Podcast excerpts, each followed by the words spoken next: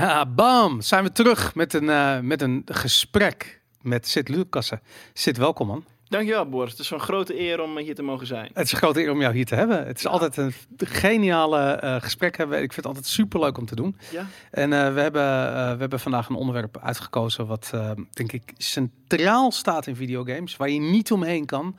Waar denk ik niet heel veel mensen nog over nadenken. Omdat het zo vanzelfsprekend is in videogames. We gaan het hebben over de rol van de dood in videogames. En uh, dat gaan we van een aantal verschillende uh, aspecten, belichten. invalshoeken belichten, inderdaad. Ja. En um, ja, misschien beginnen met gewoon heel banaal. Vroeger, toen we allemaal nog kleine jongens waren en we uh, games speelden in arcadehallen, waar 8-bit graphics kaarten zorgden voor pixelachtige gameervaringen. Daar ging Pac-Man of je Space Invaders mannetje ging dood als je geraakt werd door de vijand. En het idee dat er dus gevolgen waren aan je, aan je fuck-up in het, in het spelen. Ehm, ja, het is logisch dat een game uh, developer daar wat mee wil. Mhm. Maar ja, de dood kan ook heel erg uh, absoluut zijn en eindig. En misschien wil je juist mensen ook nog een tweede kans geven of een derde kans. Iets wat niet helemaal samen gaat met de dood. Maar daarom hebben ze bedacht van je hebt twee levens of drie levens of vier of vijf of een extra leven, whatever. En dan krijg je eigenlijk, dan verwatert de dood een beetje. En uh, dat hebben we allemaal voor vanzelfsprekend genomen. En eigenlijk is dat best wel grappig. Dat het op die manier ooit, uh, um, ja, dat ze eigenlijk hun, de, de, de aanname die ze deden, dat de speler het erg vindt om dood te gaan, dat het vervolgens de gevolgen daarvan verwateren door dus twee of drie of vier of vijf levens te geven. Dat is toch weird eigenlijk? Ja, nou het ergste daarvan natuurlijk het checkpoint. En dan zou ik graag dadelijk even op ingaan. Maar mm. om nog eventjes echt naar het punt terug te komen, waarom dit überhaupt gaan bespreken. Ja. Neem de evolutie van het concept dood in de maatschappij versus de evolutie van het concept dood in de videogame. Dus neem de middeleeuwen, het, ja, het centrale levensmotto van de middeleeuwen was memento mori. Ja. Gedenk dat u zal sterven, u bent allemaal sterfelijk. En de markten werden in de middeleeuwen ook vaak gehouden op kerkhoven. Dus in die zin stonden mensen in contact met de dood. Maar vandaag wordt de dood juist eigenlijk overal eh, weggemoffeld en naar de achtergrond geduwd. En natuurlijk ook de culturen van voorouderverering, hè, waar mensen hun voorouders voortdurend herdenken in Azië. Nou, in ja. Europa willen we liever niet eraan herinnerd worden dat we allemaal sterfelijk zijn. Dus alles wat over jong zijn, over gezond zijn, fris en aantrekkelijk zijn. Mhm. Maar niet in games. Hè? Want in games is de dood eigenlijk overal. En precies wat je al zei, in de oude Pac-Man en Space Invaders, toen was de dood het centrale concept. En vandaag is dat dood er nog steeds in games. En dus een doel halen zonder dood te gaan. Ja, en ik denk eigenlijk dat zonder dat concept van doodgaan, dat die hm. eerste games veel te saai geweest zouden zijn. En dat het concept game nooit was aangeslagen en dat de hele industrie niet zo ontwikkeld zou zijn. Ja, nou ja, en het, het, het ik denk, ik heb altijd het idee dat. Um, um, trouwens, als je in de markt praat, praat goed dichtbij in de markt. Okay. Uh, ja. ja. Ik heb het idee dat de dood um, uh, in videogames een klein beetje geïntroduceerd is om het moment waarop je niet dood bent, waarop je dus nog leeft, om dat beter te maken dan wat het is. Dus een soort van je, je, je introduceert de dood, het einde van het leven van je, van je character, van je mhm. karakter, van je karakter of je poppetje of whatever waar je mee speelt. Um, en daardoor moet het, het, het leven belangrijker worden gemaakt. Zodat, want het alternatief is het totale uiterste en dan kan je dus niet meer spelen. Spelen versus niet meer spelen. En um, ik vind eerlijk gezegd de gevolgen van als jij doodgaat in een 8-bit videogame, dat is ja, sterker nog, ik heb nog nooit een videogame gezien waarbij het sterven van je poppetje indruk op mij heeft gemaakt. Het is altijd vrij abrupt, het is klaar en vervolgens krijg je direct de optie. Nou, uh, daar wil ik graag wel even uh, een counter uh, voorbeeld van geven, Boris. Dus als hm. wij eventjes de fatality kunnen zien van Mortal Kombat, hè? Ja. dus als we dat eventjes kunnen bekijken, dat was ook nog Mortal Kombat ook nog relatief uh, beperkt. Hè? Natuurlijk met de hoeveelheid sprites uh, die het had. Hè? Maar toch maakte dat wel ontzettend veel indruk op mensen. Hè? Dus dat je zelf met een heel beperkte visuele weergave toch een vrij gruwelijke dood in beeld kan brengen. Dus juist de fatalities ja. hebben het uh, concept dood uh, wat meer naar voren gebracht. Nee, kijk, dit is. Eh, ik heb deze game veel gespeeld in de, uh, zeker in de arcadehal in de tijd. En wat leuk was, ik bedoel, ik was een klein mannetje van misschien een jaar of 14 toen dit uitkwam, 15, ik weet het niet meer. En dan speelde ik tegen grote gasten en dan, um, dan, dan vernederde je ze echt door die fatality uitvoeren. De fatality was vernederd, dus doodgaan was niet, was niet meer genoeg. Ja. Nee, je moest echt in stukjes gereten worden. Kijk maar het fatality van Scorpion ook bijvoorbeeld. Ja, wat, wat, wat heeft hij, uh, ja? Ja, hij trekt volgens mij. Oh, kijk nu. Ja, heel gat. Je hart is eruit. Oh, nou, hij is er nog. Klak. Ja, dat is natuurlijk de ultieme vernedering was toen, hè, toen je tegen je grote gasten speelde, toen je een klein jochie was. Maar vandaag, nog steeds, leeft het zo verder. Nog steeds is de dood actueel. Ja, nou, absoluut. Er is, een, uh, er is een podcast geweest en die heeft een heel klein beetje de aanleiding uh, verzorgd voor, deze, um, voor, voor dit gesprek. En er is een podcast van Dan Carlin geweest, die uh, onder andere staat om de, om de Hardcore History serie online. En die, die gaat heel erg in detail over over, over onderwerpen uit de geschiedenis. En hij leest zich heel erg in. Hij heeft een, een, een specifieke podcast gemaakt die heet Paintertainment. En uh, het gaat erom dat bijvoorbeeld in de middeleeuwen het heel gewoon was om bijvoorbeeld naar een uh, publieke terechtstelling toe te gaan. Uh, en dat was niet dat iemand opgehangen werd. Nee, mensen werden gevierendeeld, levend gekookt, in stukjes gehakt. Het was echt te gruwelijk. Vooral hun botten werden gebroken en er was ontzettend veel gegil en gekruis. en het vreemde is dat als je dat, als je, als wij daar nu vanuit deze, de context van, van, van onze maatschappij nadenken, dan is dat echt gruwelijk. Oh, je moet het aan denken dat je dan gaat staan kijken. En toen was het entertainment. En het interessante is van. Um, wij, wij denken natuurlijk altijd van ja, we hebben, uh, uh, ja, weet je, dat waren wilde, dat waren, waren halve uh, holbewoners die dat deden. En wij zijn nu beschaafd en we hebben een maatschappij waarin dat echt niet meer kan. En vervolgens zie je dat het eigenlijk helemaal niet weg is als je naar videogames kijkt. Weet je, daar zit, ik wil, hoe gruwelijker, hoe beter in videogames. Het is bijna alsof we een soort van, van, van vanuit het diepste van ons ziel behoefte hebben om dat soort beelden te zien. Ja, nou dan kom je dus op wat een theorie is uh, van een, uh, ja, een boek wat ik onderzocht heb. Dat heet Sexual Persona, geschreven door Camille Paglia. En haar theorie is eigenlijk dat, ja, ondanks natuurlijk dat we heel erg protestants en christelijk geworden zijn aan het eind van die middeleeuwen, en eigenlijk tijdens de middeleeuwen de katholieke kerk natuurlijk, mm -hmm. dat er toch heel veel heidendom overleefd is. Dus bijvoorbeeld in uh, het lezen van horoscopen of in tarotkaarten is heel veel heidendom nog overleefd. Op een ja, gesublimeerde manier in onze cultuur komt het weer tot uiting maar ook in de jaren negentig de actiefilms met, hè, denk maar Conan the Barbarian bijvoorbeeld. Hè, dat heel veel van dat, dat heidendom natuurlijk ook, uh, de gladiator en de arena gevechten en dergelijke, dat dat, uh, ja, dat, dat eigenlijk de, de, toch de verheerlijkende dimensie van het geweld. Ja. Dat die via dat onderbewuste heidendom is doorgecijpeld en nog steeds doorbestaat in bijvoorbeeld entertainment, videogames, uh, films, anime en dergelijke. Interessant contrast natuurlijk met het christendom, maar eigenlijk ja, bloedvergieten is toch eigenlijk een zonde. Oké, okay, zelf zich niet altijd aan gehouden in de geschiedenis. Maar een andere ethos dan dat van een Romeinen bijvoorbeeld. Ja. Ja, waar dat heel normaal was. Ik bedoel, de Romeinen die hebben er volgens mij uh, in een jaar tijd gingen er 40.000 wilde dieren aan in het Colosseum. Plus nog eens een keertje, uh, volgens mij een paar duizend gladiatoren die afgemaakt werden uh, daar. Het was één groot bloedbad. en dat, dat, mensen kochten gewoon een kaartje om daar naar te kijken. En ik, ik, ik vind het interessant dat, dat, dat het eigenlijk in, in videogames nog steeds, of eigenlijk in media nog steeds bestaat. En dat wij niet het, het niet de band leggen nadat we als mens gewoon behoefte hebben om te geconfronteerd te worden met de dood. En ik, ja, ik ben benieuwd of je daar een soort idee over hebt van waar, waarom is de dood zo belangrijk voor ons?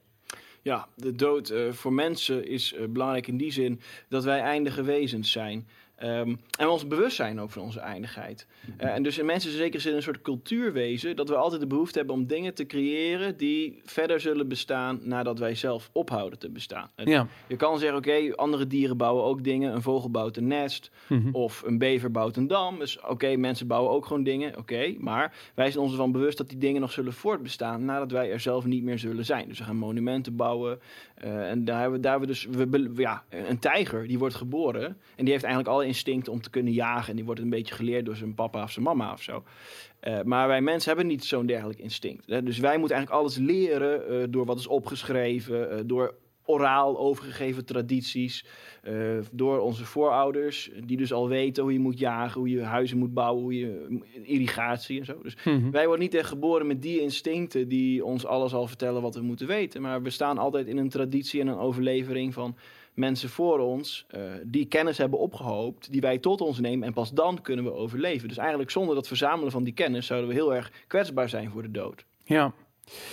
Dus je hebt het gevoel dat als je kijkt naar ellende of naar sterven, dat je, dat je gevoelsmatig je voorbereidt uh, op dat je het zelf beter zou doen in dezelfde situatie. Ja. Of dat je. Uh, het is en dat is precies ook het concept van games. Want dan heb je ook meerdere levens. Want je gaat dood, maar de bedoeling is dat je tweede keer niet meer zo dood gaat als dat je de eerste keer dood ging. Ja. Ja, ja, ik vind het grappig, omdat bij, bij videogames heb ik juist heel erg het idee dat het is een soort, ja, een soort gameplay mechaniek geworden die, die geïntroduceerd is 30 jaar geleden. En die zo sterk is dat hij eigenlijk tot op de dag van vandaag nog aanwezig is. Nee, er, er zijn veel meer van die core gameplay principes die nog aanwezig zijn. Maar uh, dat is er eentje die is zo sterk. Um, en ik kan me gewoon niet zo goed voorstellen dat je dat bijvoorbeeld in een film ook zou doen. Dus stel je voor dat we de hoofdpersonage in een film, die, die komt gruwelijk aan zijn eind.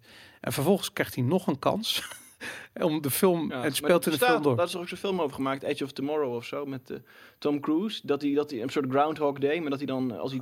ja, dat een soort alien invasion is er aan de gang van het verhaal. En het blijkt dat die alien heeft een soort vermogen om kennis die hij heeft terug te sturen naar zichzelf in het verleden. Ja. Dus hij, wordt, hij, hij valt de aarde binnen. Nou, het hele leger gaat erop, maakt hem kapot. Oké, hm. maar dan stuurt hij dus, uh, teleporteert hij die kennis die hij heeft op dat moment terug naar zijn eerdere versie van zichzelf. Ja. Dus die alien die beleeft eigenlijk een soort parallele contingente tijdlijn. Terwijl mensen maar één tijdlijn hebben. Dus wij worden compleet vernietigd, compleet vermorzeld en zo. Hm. Uh, dus dat concept verder, uh, verder uitgewerkt. Maar dat, eigenlijk Hè, wat ik ook geniaal vind, is dat dat concept al stiekem een heel klein beetje zit in een uh, boek van Dostoevsky. En dat is het boek Misdaad en Straf. En want er zit ook uh, het idee van de zombie invasion zit daar eigenlijk al in. Dus helemaal op het einde van het verhaal van dat Misdaad en Straf heeft die hoofdpersonage heeft een soort visie waarin mensen helemaal ziek worden en elkaar beginnen aan te steken en een soort half, halve zombies gaan, gaan rondstrompelen. En een gigantische pestuitbraak is. En uh, dus dat op een dag dat ook zou kunnen gebeuren voor de mhm. mensheid. Ja. Dus dat, dat we met zoveel mensen op aarde komen. En het idee is dan, wat zo interessant is, dat uh, we misschien nu al wel aan het weer aan het evalueren zijn om daar, daar tegen te kunnen. Dus dat misschien dat als die pestuitbraken dan is, dat iemand een soort telepathisch vermogen zou ontwikkelen om uh, aan zijn eerdere iemand die nu misschien al leeft, hè, dus die, die kennis ook uh, terug te zenden. Ja. Dat hij een soort van telepathisch vermogen plots evalueert. En dat niet de hele mensheid uitgeroeid wordt. En dat hij dan die kennis van die, uitbraak aan zichzelf terug zou sturen. Terwijl hij eigenlijk in deze tijdlijn al is. Ja, dus als je dat dan naar het soort van de, de middeleeuwen verplaatst. Zou je, um, uh, zou je kunnen zeggen dat het voorbeeld wat een gruwelijke dood levert, ik bedoel als iemand op het schavot staat of weet ik veel wat, dat dat dus eigenlijk, uh, uh, het heeft een doel om mensen uit te laten zien van dit is wat er gebeurt. Mm je, vermoord je iemand, dan is dit wat er gebeurt. Repressie. Daarom, het is een soort repressie. Aftrekking en repressie. Ja, maar mensen ervaren dat niet op die manier. Dat is ook waarom de doodstraf nauwelijks effect heeft. Je ziet niet dat er minder misdaad is in landen waar de doodstraf is ingevoerd, bijvoorbeeld? Of, of ja, ja, daar had de, oude humanisten, Kornhert, hadden daar natuurlijk al over. Hè. Dus dat is een oude Nederlandse humanistische filosoof. Ja. Uh, Dirk Volkertzoon Kornhert heette die. En die hadden ook bedelaars. En waarom zijn er nou zoveel bedelaars en landlopers en dieven overal? En die had gewoon ook uh, ja, beredeneerd dat al die mensen zoiets hadden van... ja, of ik ben... Uh, dat, dat de dood, dat die doodstraf eigenlijk vrij korte tijdsbestek werd toegediend. Hè. Dus ze hadden een soort hedonistische berekening gemaakt van ja, het is wel even heel erg pijnlijk, maar de korte pijn van de ter doodstelling weegt niet op tegen een langgerechte honger. Dus dan maar stelen en dan maar leven als landloop, want de kans dat ik gepakt word is toch klein. Ja. Dus toen kwam hij op het idee, ja, maar dat werkt dus niet. Dus ze moeten het misdaadsysteem gaan hervormen. En toen kwam het tuchthuis. En er zijn ook uh, ja, al die landlopers die moesten een beetje discipline krijgen. Hè, vanuit het idee van geef iemand een vis en je voedt hem voor een dag, maar leer hem vissen en uh, je voedt hem voor de rest van zijn leven. Ja. En toen kregen we het rasphuis en het tuchthuis waar ze dus hout gingen raspen. En, maar uiteindelijk werden die gevangenen werden een soort commerciële attractie. En, dus dat liep ook alweer anders dan gedacht. Maar precies die redenering is de grondgedachte eigenlijk van uh, ja, mensen een beetje herbeschaven als ze in het, uh, in het juridisch systeem terechtkomen. Ja, maar goed, dan dus vanuit de gedachte dat je mensen ter dood stelt om een voorbeeld te geven voor andere mensen, dat werkt helemaal niet. Wat werkt wel, is dat mensen het gewoon als entertainment zien en er bij wijze van spreken een kaartje verkopen en daarna gaan staan kijken.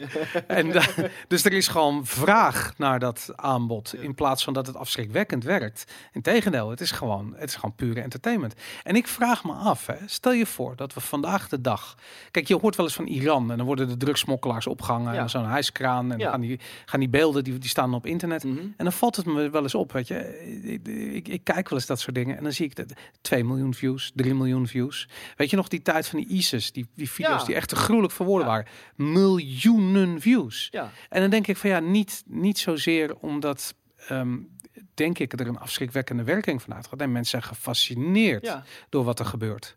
Ja, en dat ISIS dat heeft natuurlijk ook zijn eigen afstolpende effect. Want uh, mensen werden in kooitjes onder water gelaten en ja, de gekste dingen gebeurden er. Ja. Maar op een gegeven moment... Maar dat is toch middeleeuws? Het is toch middeleeuws? het werd toch zeker... Ja, ja, ja, maar dat was toch ook de, de, toepassing eigenlijk van middeleeuwse straffen. Vanuit ja. idee, we moeten teruggaan naar een betere tijd. En die tijd werd er zuiverder geleefd volgens de regels van ons geloof. Dus we moeten ook dezelfde straffen weer hebben. En anders moeten we dingen aanpassen om het nog afschrikwekkender te maken. Maar uh, dat op een gegeven moment mensen ook werden afgestompt. Ja. Daardoor. Hè? Dus je ziet iets en je moet de volgende keer nog lomper zijn om nog diezelfde impact te kunnen maken. Ja. Nou ja, en kijk, ik kan me voorstellen, als je die ISIS-video ziet en wij als blanke westerse uh, mannen hebben zoiets van, ja, fuck, dat hadden wij ook kunnen zijn daar in het kootje in dat zwembad, bij wijze van spreken. Ja. Dus dan hebben we zoiets van, nee, maar dit, dit moet verboden worden. Maar stel je voor, als je daar, stel je voor dat je op geen enkele manier enige, uh, um, je, je, op enige manier kunt vereenzelvigen met de persoon die daar slachtoffer is.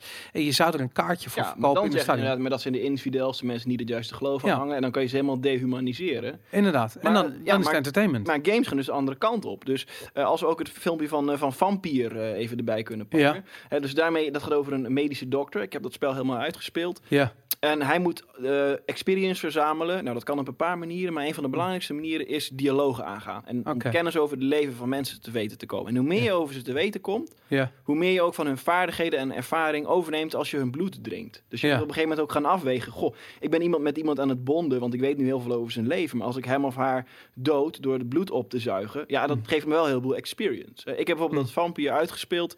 En ik wil eigenlijk zo min mogelijk mensen vermoorden. Eigenlijk liefst niemand. Als je mensen gaat vermoorden, dan komt er ook weer chaos. En dan, nou, dat is niet goed. Dus ik wilde de good guy zijn. Ja. Uh, maar dan krijg je vijf experience per gedode vijand. Dat is veel te weinig eigenlijk. Het maakt niet uit of je een weerwolf dood of iemand... En hoe zou, je, waarom noem je ze vijanden? Nou, niet dus die mensen. Hè. Dus je, hebt je kan dus experience verzamelen door uh, ja, NPC's uh, eh, te, te bloedzuigen. Dus dat is het precies. Dat heb je nu net gezien, ja. Maar je ziet dan wel de laatste dromen en de laatste wensen van die persoon. Dus je zuigt iemands bloed op en iemand gaat dan dood. Je neemt de krachten van die persoon in je op. Maar je weet dan ook zijn laatste dromen en zijn laatste wensen. Dus je krijgt toch een stukje empathie.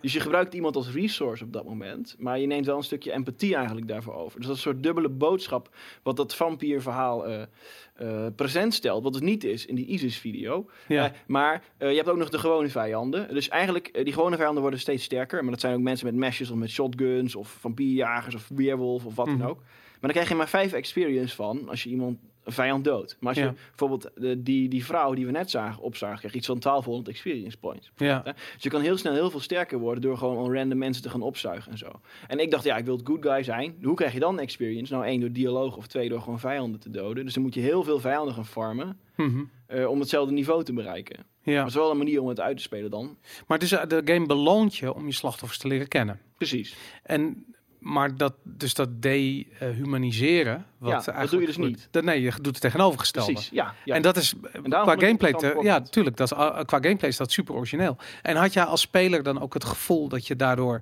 um, ja, voelde je beter of slechter op het moment dat je dan, je zegt zelf al, je wil eigenlijk zo min, uh, zo min mogelijk slachtoffers maken. Ja. Uh, dus blijkbaar werkt de opzet. Dat zegt iets over jouw moraliteit misschien. Ja, precies. Maar toch paradoxaal, het is een videogame. Paradoxaal genoeg toch niet. En dat zal ik even uitleggen. Want er zit toch hm. wel een beetje een fout in de, game, in, de, in de opbouw van de game, denk ik. Want hoe krijg je experience points? Eén, mensen opzuigen. Twee, dialogen voeren en drie vijanden verslaan. Maar dat vijanden verslaan krijg je maar vijf experience. Dus of je nou een man met een mesje dood of een weerwolf, krijg je maar vijf XP. Dus je moet heel veel farmen. Dus je gaat dialogen voeren. Maar omdat je zo superveel dialoog in het spel hebt, ga je hm. gewoon allemaal x, x, x, x, x gewoon allemaal doorklikken. Want op een gegeven moment is het gewoon te veel. Als je met iedereen wilt dialogen, ja, is allemaal leuk. Ja. Maar dat duurt zo lang, je krijgt zoveel informatie. Het, is het zijn allemaal zulke uitgesponnen verhaallijnen. Hm. Op een gegeven moment ga je ze gewoon doorklikken om sneller die XP te krijgen. Omdat het gewoon een veel snellere manier is om XP te verzamelen dan die individuele vijanden te doden. Ja. En dat heeft tot het paradoxale effect dat je dat je toch redelijk snel door al die verhalen heen klikt. En toch niet helemaal uh, leest en toch niet helemaal meeleeft met die personen. Ja.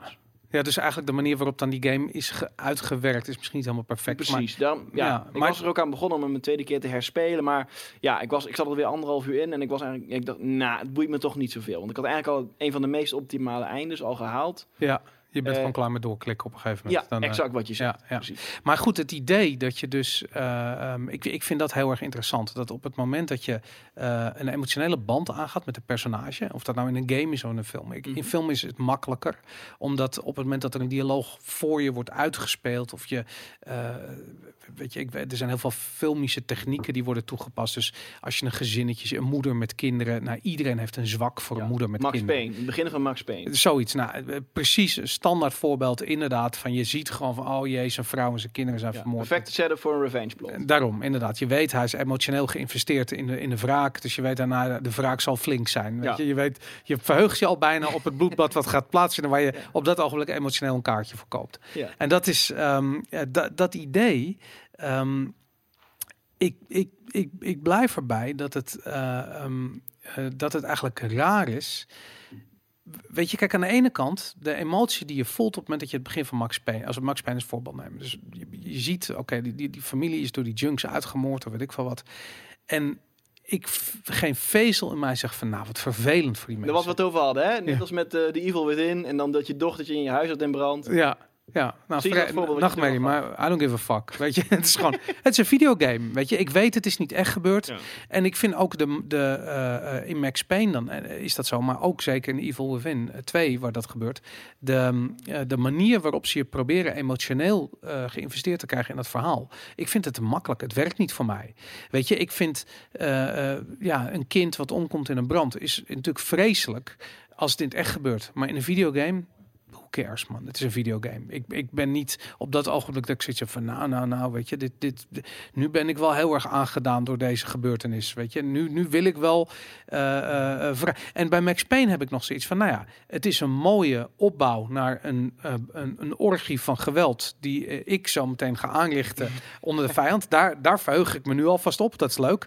Maar in The Evil Win 2 is het volstrekt onduidelijk wat er dan gaat gebeuren. Ik bedoel, je moet een soort van geesten, monsters, whatever. Je weet het zeker in die fase van de game weet je niet waar je tegen gaat. Dus je hebt geen idee waar je naartoe gaat. Behalve dat je weet dat het een langdradig gezeik wordt. Want je snapt niet vanaf moment één wat er gaat gebeuren. Dus ik vind dit de, de, de pogingen die games uh, doen om de dood te gebruiken om je te laten uh, geïnvesteerd te laten zijn in het mhm. verhaal, vind ik altijd vrij zwak. Nou, dan wil ik een perfect tegenvoorbeeld geven. Dus als we even mogen zien, uh, Old King Island, hè, dat is een filmpje uit de Demon Souls. Ja. Dus als we dat ook even mogen zien, dat vind ik het perfecte tegenvoorbeeld. Want toen ik dus die Demon Souls game heel lang geleden heb uitgespeeld. Je moet heel veel investeren om sterker te worden. Als je dood gaat, verlies je experience. En dan moet je, heb je nog één poging om je experience terug te krijgen. En dat kan alleen maar door weer terug te gaan naar de plek waar je dood ging. Ja. Maar die Old King Allen, dat is de ergste baas ooit, ooit, ooit in een game. Want die baas heeft die ability uh-huh. om jouw experience uit je te zuigen. Oké. Dus op een gegeven moment kan hij je vastpakken en dan zuigt hij je experience uit. Dus je gaat van level 70 naar level 69. Dat is en dat kan hij vaak doen in hetzelfde baasgevecht. Dus hij kan je van level 70 kan je naar level 69 brengen, level 68. Hij kan gewoon je experience stelen. Uh-huh. en, en dat is je beloning in de game. Je hebt die game nog voor niks exact. Ja. En dat is zo erg. Deze baas, die, daar ging, ik bleef maar doodgaan. En ik bleef mijn experience maar verliezen. En ik moest dan weer een uur lang moest ik vliegende visbeesten vernietigen met de Storm Sword. Om datzelfde experience weer terug te kunnen krijgen. Eh, maar, en dan ging ik weer dood. En dat vond ik zo erg. Op een gegeven moment ging ik maar op forums, ging ik maar mensen summonen om hem te kunnen verslaan. Ik ja. de ergste baas ooit. Dus de reden dat ik deze game nooit herspeeld heb, is gewoon deze baas. Die is zo erg. Je kan hem eigenlijk alleen maar verslaan als je mensen kan summonen en dat van tevoren op een forum of zo communiceert. Ik heb een idee waarom dat is. Omdat het onredelijk is. Ja. De onredelijkheid ervan. En ik heb precies hetzelfde. En dat is een voorbeeld wat ik ook nog wilde noemen. Uh, Gladiator bijvoorbeeld, de film. Oké. Ik weet niet of je weet op een gegeven moment, nou ja, goed, we hebben het over een Romeinse generaal, een held. Waar je het over had, de vraag, hè? In this life or the next, I will have my revenge. Maar revenge voor wat? Dat zijn familie vermoord is door uh, ja, Commodus. Commodus, inderdaad, ja. En uh, wat is nou? Ik bedoel, hij is, hij is een generaal in dat leger. Hij heeft, hij heeft veldslagen gewonnen. Hij heeft de, de, de goals heeft hij terug. Ja, de barbaren die heeft hij uh, uh, teruggeslagen. en wat gebeurt er? Stank voor dank. Zijn familie wordt vermoord. En de onredelijkheid daarvan, die is zo totaal taal dat uh, ik zoiets had van. Ik vond daarmee de dood van zijn vrouw heel graag. Want je ziet niet dat die mensen vermoord worden. maar je ziet ze op een gegeven moment hangen of weet ik van. hij vindt ze inderdaad. En dat, um, dat is hier ook bij. De onredelijkheid van dat jouw XP wordt afgepakt. Ja, ja dat, die, die is totaal. En dat. De, dus ik heb ik, ik vind, en ik vind, ik vind de, de onredelijkheid Ehm, en de dood, dat is heel. Op het moment dat een dood onredelijk is, oneerlijk is, of de gevolgen van je acties eigenlijk zo zwaarder zijn dan het. Uh, ja, of dan, dan wat je gedaan hebt. Dus weet je, de doodstraf staat niet in verhouding met, met de misdaad die je gepleegd hebt, bijvoorbeeld. Ja. En dat, uh, um, ik weet bijvoorbeeld in de middeleeuwen, er is een periode geweest waarin de doodstraf werd afgeschreven. En net daarvoor, toen ontstond, wat er eigenlijk ontstond, is dat uh, een ter dood veroordeelde, er werd, dus een misdaad werd uh, voorgedragen. Zij zei van, hij heeft dit gedaan ja. en dit en de onredelijkheid en hoe, hoe durft hij, schavuit, deze, ja. nou goed, enzovoort, enzovoort. Ja. En die had iets van, ja, schande, hangen moet hij, weet je. En daar ga ja, go. En, Nou goed, daar ging hij. En dan had iedereen was aan het applaudisseren, want die, die asshole, die kreeg de straf die hij verdiende. Ja, het een cathartisch effect op eigenlijk. Ja, maar later, uh, wat je merkte, is dat uh, bijvoorbeeld de marteling zo heftig werd, ja. dat uh, in het doorstaan van die marteling ja. een soort heldhaftigheid ontstond. Nou, maar dat is eigenlijk toch al, dat was eigenlijk toch al als je echt naar het vroege christendom teruggaat. Dus als, er kunnen twee dingen over gezegd worden. Dus één, Girard, die Franse filosoof, die zegt ja op een gegeven moment het offer. Hè, dus wij zijn twee Germanen stammen en ik, Ja. maak, ik maak jouw broer dood. Ja. Nou, dan ga jij mijn zus doodmaken. En dan ga ik jouw vader doodmaken. En iedereen blijft elkaar uitmoorden en dat lost zichzelf nooit meer op. Want je hebt bloed, geld en bloedwraak. En dan zegt Girard, ja, maar daarom heb je het offer. Dus men projecteert gewoon op een gegeven moment alle straf op één figuur. Ja. dus al onze zonden die wij hebben misdaan, die projecteren op één figuur. En die maken we af en dan hebben we het er niet meer over. Ja. Dus dat is het offer. Dus dat je, dat je eigenlijk sublimeert en eh, een soort, soort trans, transmissie hebt van al onze negativiteit op één zondebok. Die maken we af en that's it. Dan kunnen we er weer, weer mee verder. Ja. Hè? En maar twee, het, eigenlijk was in het vroege christendom Dus eh, daar, toen had je op, op een gegeven moment ook... eh, ja, dat er dus christenen waren die brieven gingen schrijven van... ik hoop dat ik voor de leeuwen geworpen word... en ik hoop dat het ook nog een tijdje duurt... want dan kan ik bewijzen dat ik een waardige martelaar ben voor Christus. Daarom, ze werden martelaars. Ja, Ja, maar dat ze was al werden heel lang geleden. Hè? Dit is al helemaal in de Romeinse tijd al. Ja, maar het is teruggekeerd. En eh, eh, eh, volgens mij met name, ehm, eh, nou ja, goed, ik, ik, ik weet niet precies wanneer dat is. Ik- Wat dat betreft, ik ben niet zo'n geschiedenisfreak dat ik, dat, dat ik alle data erbij heb. Maar er is een periode geweest dat eh, eh, ter dood veroordeelde een bepaald soort sympathie eh, opwekte bij eh, de toeschouwers. Ja, nog steeds dan heb je toch de anti-doodstraflobby van tegen de VS en zo. Dat is Ja, maar het was in dit geval ook echt soort van mensen waren niet per se tegen doodstraf. Mensen zagen hoe iemand een bepaalde marteling doorstond en dan kregen sympathie voor die persoon. Want die hadden zoiets van: wow, in het oog van dit gruwelijke lot Ja. blijft zo iemand gewoon helemaal trouw aan zijn, aan zijn, aan zijn principes of aan zijn menselijkheid, whatever. En eh, eh, wat, wat het gevolg daarvan was, is dat het effect totaal verloren ging. Dus inderdaad, mensen waren meer bereid om martelaar te zijn. Het effect van de dood, afschrikwekkende effect van doodstraf sloeg om in een, eh, het, het werd bijna een platform om je heldhaftigheid Ja, te tonen. precies. Dat is wat die christelijke martelaren ook hadden. Ja, en wat er toen gebeurd is, is dat eh ter dood veroordeelden, eh, die, werden, die werden vastgebonden aan hun nek met een soort touw. En die werden eigenlijk al gewurgd voordat bijvoorbeeld in brand gestoken werden. Zodat ze niet de mogelijkheid hadden om nog te wat ik me schreeuwen. dus en, ook eh, herinner is dat op een gegeven moment, als ik van die Savonarola, dat was een of andere, ja, een beetje rogue bishop of zo, een, een katholieke figuur die Ja. eh, zijn eigen kerk ging oprichten en eh, tegen de paus was en zo. Maar hij had een hele grote following. Dus wat ik, ge- volgens mij hadden ze ook zijn tong uitgesneden voordat ze hem op de brandstapel zetten. Dat hij niet meer allemaal dingen kon zeggen om mensen weer op te roepen en weer een, eh, Ja. weer een soort ja, een heilige te worden en weer mensen te mobiliseren in zijn doodstrijd. Ja, nee, dat klopt inderdaad. Want ik bedoel, dat- dat het, ge de, eh, het geeft je een platform. Ja. Gewoon, er staan mensen te kijken. Je Exact. staat op een platform en de heftigheid van de gebeurtenis die staat te gebeuren, Ja. die, die, die, die versterkt je woorden.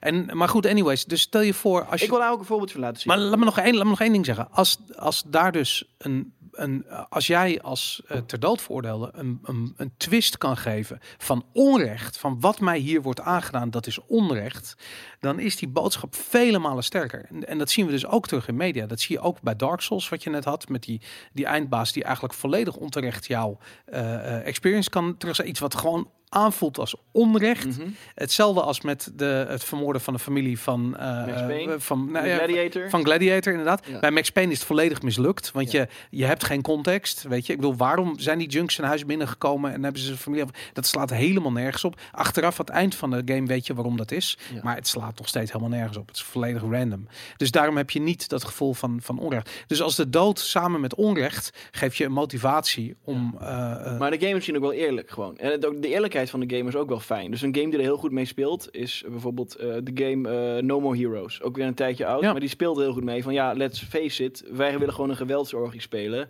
Dus oké, er moet even een, iemand moet even dood. Omdat, uh, dus dan wordt heel erg gespeeld ook met genre clichés en zo. Ja. In die zin is het ook wel fijn dat de game gewoon eerlijk is. En gewoon zegt van, nou ja, oké, er moet even een gezinnetje worden vermoord om iemand te triggeren om een geweldsorgie vervolgens te kunnen opzetten. Ja. En dat de game zich ook van bewust van is dat het een game is. Hè? Ja. En dat voor Evil Within 2, inderdaad, dat, dan op een gegeven moment is de game zich denkt dat het een film is of zo. Ja. Dan gaat het niet meer aan genreconventies, uh, gaat het een beetje de mist in. Maar wat ik graag wil laten zien is Would You Kindly van Bioshock. Hè? Want wat jij net zei, dat je ook een martelaar kunt worden uh, door, uh, je te kun, door je dood te kunnen gaan. Dat is in dat, would, in dat Would You Kindly is dat heel goed uitgelegd. Dus in uh, deze game gaat eigenlijk over het idee van Ayn Rand. Hè? Dus we gaan geen goden vereren, we gaan geen mensen tot koningen uitnoemen. We gaan alleen maar uit van rationaliteit, redelijkheid, de mensen in het hier en nu leeft en van dit leven wat wil maken. Ja. Nou, dat, dat, ja, dan gaan ze natuurlijk een kapitalistische utopie, maar dat mislukt en dat blijkt uiteindelijk een dystopie te worden. Mhm. En mensen gaan uh, genetische krachten en zo krijgen. Uh, maar hij zegt van nee, het eind van het verhaal is: uh, a man chooses a slave obeys. En, dus hij zegt: Oké, ik weet dat het al mislukt is, ik weet dat je me dood gaat maken, ik ontkom er niet meer aan, maar ik ben nog steeds een vrij man en ik zal sterven als vrij man. Dus daarom mhm. vraag ik je vriendelijk om mij te doden. Dat, dat, ja, dit is het einde van die game inderdaad, ja.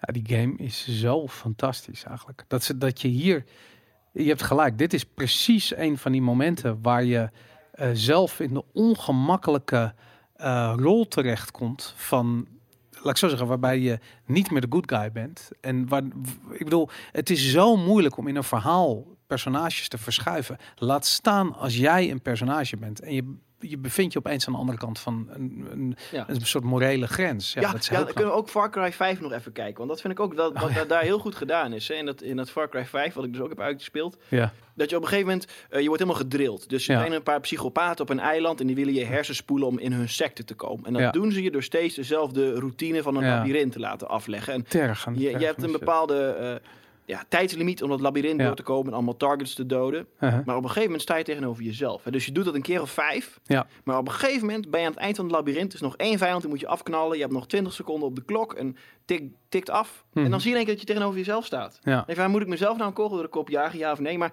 je bent helemaal getriggerd al om iedereen zo snel mogelijk af te knallen en zo snel mogelijk naar de... Dus je staat helemaal niet bij stil. Je, hebt, je knalt jezelf neer en pas dan zie je dat je het zelf bent. Ja. En dan is eigenlijk het mentale teken van ja, maar je hebt jezelf nu verloren. Hè? Je bent inderdaad gedrild, je bent gehersenspoeld, je bent jezelf gaandeweg kwijtgeraakt. Ja, behalve dat in deze game vond ik dat echt een gimmick. Ik vond het zo fucking slecht.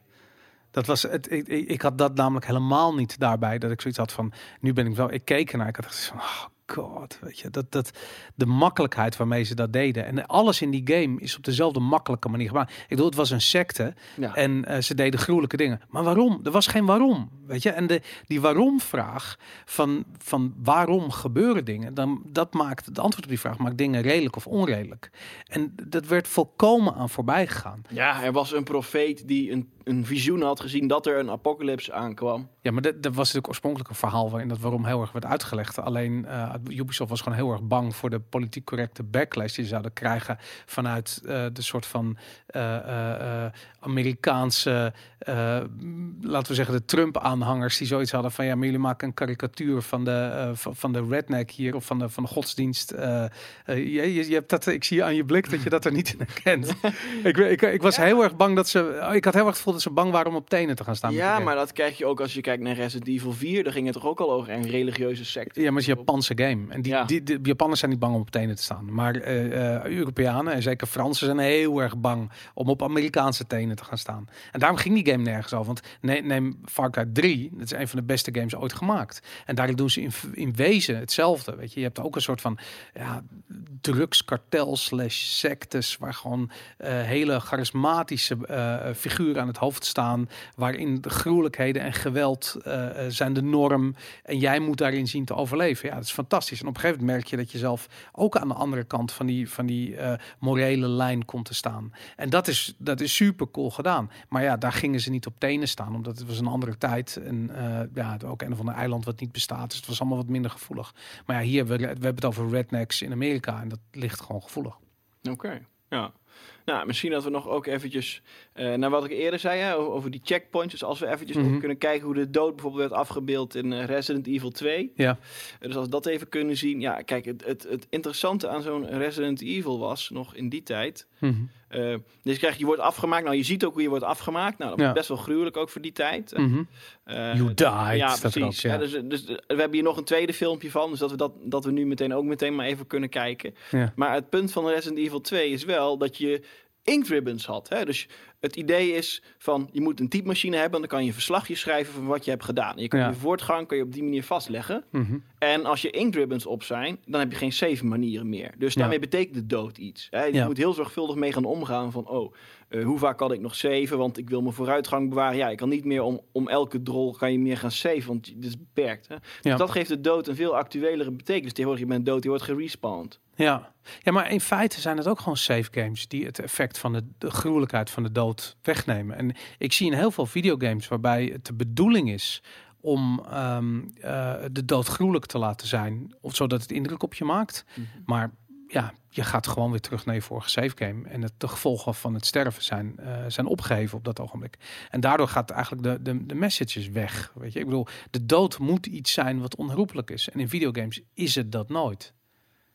Heb je niet het, het mis je dat niet? De onherroepelijkheid van het sterven? Ja, stel je voor dat je gewoon een. Uh, speel je Fortnite? Nee, maar mijn broertje speelt dat wel. En dat weet ik, ja, dat ken ik wel. Je bent gewoon miljoen, dood. miljoen euro kan je nou winnen. Bijvoorbeeld, uh, dus maar, maar, je, maar je begint met 100 man en als je dood bent, ben je gewoon dood. Klaar. Ja, maar dat ligt aan met hoe je game wil spelen, Boris. Want uh, kijk, als ik naar mezelf kijk, ja, uh, ik ben uh, ZZP'er, dus hm. al mijn tijd is geld waard. Dus wil ik heel lang een game gaan spelen om iets op te bouwen en ik word afgemaakt en dan weer vanaf point zero moet beginnen Nee, dat spreken we ook niet aan. Hè? Dus ik wil wel voortbouwen op iets. Hè? Ja. Dus uh, bijvoorbeeld een game als Nio, om een voorbeeld te geven, waar je heel veel dingen kan doden. En langzamerhand een beetje experience verzamelt en zo. Hm. Is voor mij veel interessanter. Want alles wat je verzamelt maakt je wel sterker voor de volgende keer weer. Hè? Ja. En daarom is een game als Dark Souls mij ook wel interessant. Dat je kan grinden, je kan farmen, je kan langzamerhand sterker worden. Je kan nieuwe spullen verzamelen, nieuwe gear verzamelen en wat sterker worden. Ja. En langzamerhand naar iets toewerken. Hè? Maar uh, maar dat, dat wil niet zeggen dat je... Je gaat dood in Dark Souls en je hele personage is weg. Of je hebt permadeath. Nou, dat heb je bijvoorbeeld in Diablo heb je dat. Of in, uh, uh, daar heb je gewoon permadeath. En volgens mij heeft... ik weet niet of World of Warcraft het ook heeft, maar in Diablo heb je het wel. En dan kun je gewoon letterlijk een, een personage waar je... Ja, misschien dat ik mezelf ook wel tegenspreek. Want als RTS-liefhebber is eigenlijk ook zo. Je start een skirmish potje op, je maakt iemand af en that's it. Je begint weer vanaf ground zero, de volgende ja. potje dus. Ja, het, het gaat er meer om dat, dat als, je, als de dood niet onherroepelijk is, dan zijn er dus blijkbaar geen gevolgen aan het maken van fouten.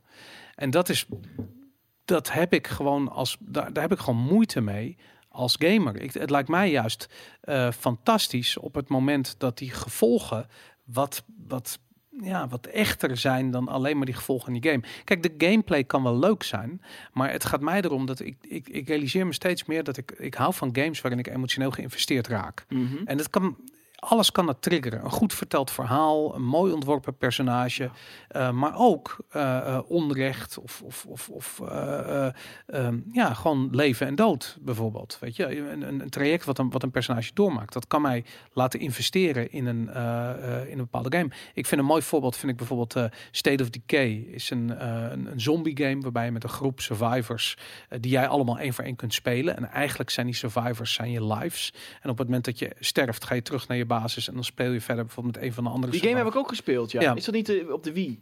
Nee. Dat is later gepoord naar de, de PlayStation. Nee, hij is, hij is, het is oorspronkelijk een PC-game en hij is nu ook op de Xbox uit. En... Ik herinner me ook zo'n game. En dan moet je je, je rugzak verzamelen. Dat, dat speelde zich af in Londen. Ja. En het ging ook over, over zombies. Er was een zombieplaag uitbreken. En je moest de manuscripten van John Doe moest je verzamelen. Oh, dat is dat en dat speelde ook in de, in de Tower of London speelde zich dat af. En dan iedere keer als je dood ging, en je personage werd steeds beter. Dus je, je had een revolver en dan maakte je zombies mee dood. Dan werd je beter in revolver schieten en uh, of ja. beter in sniper of wat dan ook. Maar als je dood werd gemaakt, dan was dat personage gewoon dood. En dan kreeg je een nieuw personage. Ja. En die moest weer helemaal skills vanaf uh, nul, nul opbouwen. Maar die kon wel uh, dat andere personage weer tegenkomen als zombie. En dan de rugzak overnemen. En dan heb je weer de sniper en heb je weer de ja. pistool. Maar je hebt niet de vaardigheden. Maar ik vind dat, dat vind ik slim game design. Dat vind ik tof. Weet je, op het moment dat je personage waar je mee speelt gewoon dood is. Ja. Dat is, ik bedoel, ik weet dat ik de eerste game die dat deden, waren bijvoorbeeld Cannon Fodder. Dat was op de Amiga in de tijd.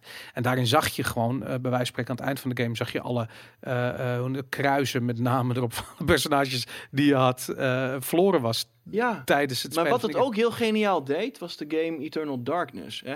En dat, dat vond ik echt wel een hele mooie ook, uh, met, met dat Eternal Darkness. Dat je, ja. Was ook op de... Dat was op de Gamecube. Gamecube, ja. ja. En dat, op een gegeven moment heb je Pius Augustus, en dat is eigenlijk een Romeinse legionair. En je moet gewoon een beetje leren hoe je, hoe je slaat en zo. Dus op een gegeven moment krijg je je eigen standbeeld staat voor je. Ja. En dan sla je de armen af en sla je het hoofd af. En ah, kijk, nu weet je hoe je, het is een soort tutorial mechanic en je gaat verder. Maar helemaal op het einde van die game. Want die Pysocus die wordt corrupt en die, wordt, die gaat de Ancients dienen. En die, die, gaat Dark Magic en die gaat helemaal het verkeerde pad op. Maar er zijn ook weer good guys die hem willen tegenhouden. Maar helemaal op het einde, hm. als je in het laatste baasgevecht bent. Um, want het speelt door de eeuwen heen. Hè, dus het speelt in, uh, in de middeleeuwen, in de renaissance en de verlichting, mm. Eerste Wereldoorlog gaan ze door. Hè? Maar al die personages die dienen hun doel in de strijd tegen de Ancients, maar dan gaan ze weer dood. Maar helemaal op het einde word je dus geresurrect als, als ghost in het baasgevecht. En dan zie je al die standbeelden zie je staan. Hè? Dus precies als al die eerdere personages die je eerder geleefd hebt, hè? wiens leven je eerder gespeeld hebt in Eternal Darkness, mm dan zie je die standbeelden van staan. En, en dan, en dan, ja, hè, dan heb je toch dat kleine wat je geïnvesteerd hebt in al die personages, dat komt dan wel heel even tot leven in, in dat baasgevecht. Maar het standbeeld van Pius Augustus staat er ook tussen. Maar daar zijn dus die armen en, de, en het hoofd en zo vanaf. Hè? Dus hij is letterlijk gevallen. Ja. En dat is wel echt vet, vond ik. Ja, nou, die symboliek is mooi. En ik, ik, ik zie het veel te weinig terug in games. En het zijn dat soort dingen inderdaad, wat ik bedoel, dat soort dingen uh, uh, zorgen dat je emotioneel geïnvesteerd raakt in die game op dat moment. Ik bedoel, daarom praat je nu, wat is het, 15 jaar later. daarom, ik bedoel, dat betekent die game heeft, ik was hem alweer vergeten, maar inderdaad, die Eternal Darkness op de Gamecube. Als je het over emotioneel geïnvesteerd raken hebt, vind ik ook uh, The Shadow of the Colossus een heel goed voorbeeld. Daar ja. ook een videootje van. dus dit gaat eigenlijk om, ja, iets wat eigenlijk onmogelijk is, namelijk iemand uit de dood weer tot leven brengen. Dus we hebben het over de dood. Dus ja, er is dus een, een vrouw. En je, het verhaal wordt een beetje een mysterie gelaten van wie die vrouw is. Maar mhm. die jongen die heeft zich als doel gesteld om haar opnieuw uh, tot leven te wekken. Ja. En dat kan alleen maar door een bepaalde, bepaalde kolos te doden. En die kolossen natuurlijk die zijn super groot en dat is allemaal heel moeilijk. Mhm. En dan wordt er ook letterlijk gezegd door de tempelgod die zegt: ja, oké, eh, de quest die je wil doen. Er is een kans dat het lukt, maar hij zegt ook: indeed, the cost may be great. En dat zegt hij aan het begin ook. Dus ja. je kan het doen, maar je zult er een grote prijs voor betalen. En dat blijkt uiteindelijk ook uh, zo te zijn dat uh, als hij zo'n kolossus doodt, dat dan de evil energy uit die kolossus rondspuit. En die, die neemt hem dan langzaam over. Dus hij wordt mhm. ook evil. En hij gaat er ook steeds eviler uitzien. Ja. Een beetje vergelijkbaar met het personage Antoni in uh, Eternal Darkness. Dus die heeft een quest om aan Karel de Grote uh, het plot van de Ancients te onthullen. Maar gaandeweg in zijn eigen quest, dan wordt hij ook overgenomen door Dark Magic. Dus op een gegeven moment loopt hij ook een beetje rond als een strompelende zombie. Ja. Uh, dat is ook in. Uh, maar wat is de. Ik bedoel, het is natuurlijk een tot leven wekken van, zeker van vrouwen van schoonheid, mm jeugd of weet ik veel. Ik bedoel, door een roosje is een goed voorbeeld, maar eigenlijk is dat uh, hier in Shadow of Colossus exact hetzelfde. Ja. Uh, en vervolgens de, de, de, de reis die de ridder moet doormaken. Maar daarmee is de game ook eerlijk. Want de game zegt, we nemen gewoon een, een uber mythisch cliché. Hè? Ja. De ultieme offer wat je moet getroosten om iemand uit de dood te kunnen terugwekken. En we hoeven er ook niet al te veel verhaal omheen. Nee, want dat is gewoon, ons uitgangspunt is gewoon dit. We zijn gewoon een game. Ja, ja maar ik, vraag me af, waar komt die, uh, waar komt die mythe vandaan? Waar, waar staat dat symbool voor? Ik weet dat Japanners extreem hard gaan op de soort van die middeleeuwse Europese symboliek. Dat, uh, ja. Um, ja, het, het christendom, hè, Lazarus en ga zo maar Ja, en ze, nemen, ze maken er ook een gimmick van. ik bedoel, het is ook echt alsof iemand het verhaal vertelt heeft. Zoals, ja, dat is vet, daar gaan we een game of maken. wij zijn er bij wijze van spreken in opgegroeid. En we, hebben, ja, we zijn ons niet eens meer bewust van het feit dat er allemaal symboliek in zit. Die iets over het leven... Ja, ik zag het ook in, in, in Dragon Ball Ball Z zag ik dat ook terug. Er is een soort nieuwe Dragon Ball Super of zo gemaakt, wat ik op hm. YouTube gekeken had. En het ging op een gegeven moment over uh, de, de, een god die uh, het lichaam van Goku had ge, geher, geherschapen. Ja. En eh, dat ging eigenlijk om dat die God zichzelf onsterfelijk had gemaakt. Hmm. Maar hij had, hij had zichzelf uit een andere tijdlijn ook uh, laten komen. Dus al hij was eigenlijk een dubbel personage. En die andere, die koos er bewust voor om niet onsterfelijk te zijn. Maar die had het lichaam van Goku overgenomen.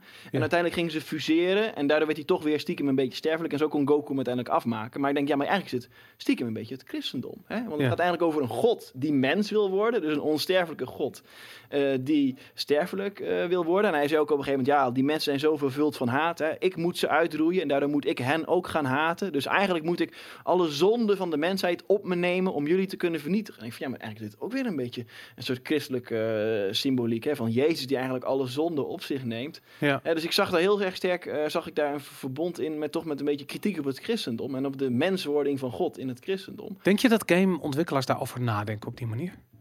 Denk je niet dat ze... Japan wel. Als je in Final Fantasy is ook vaak een heel erg anti-religieuze ondertoon. Dus, dus mhm. vaak in westerse games is het christendom toch een beetje de good guy. Hè? Ja. Uh, maar in Japan is het christendom vaak een beetje de bad guy. Dus kerken zijn corrupt en religieuze fanatici zijn corrupt. En je moet goden vernietigen.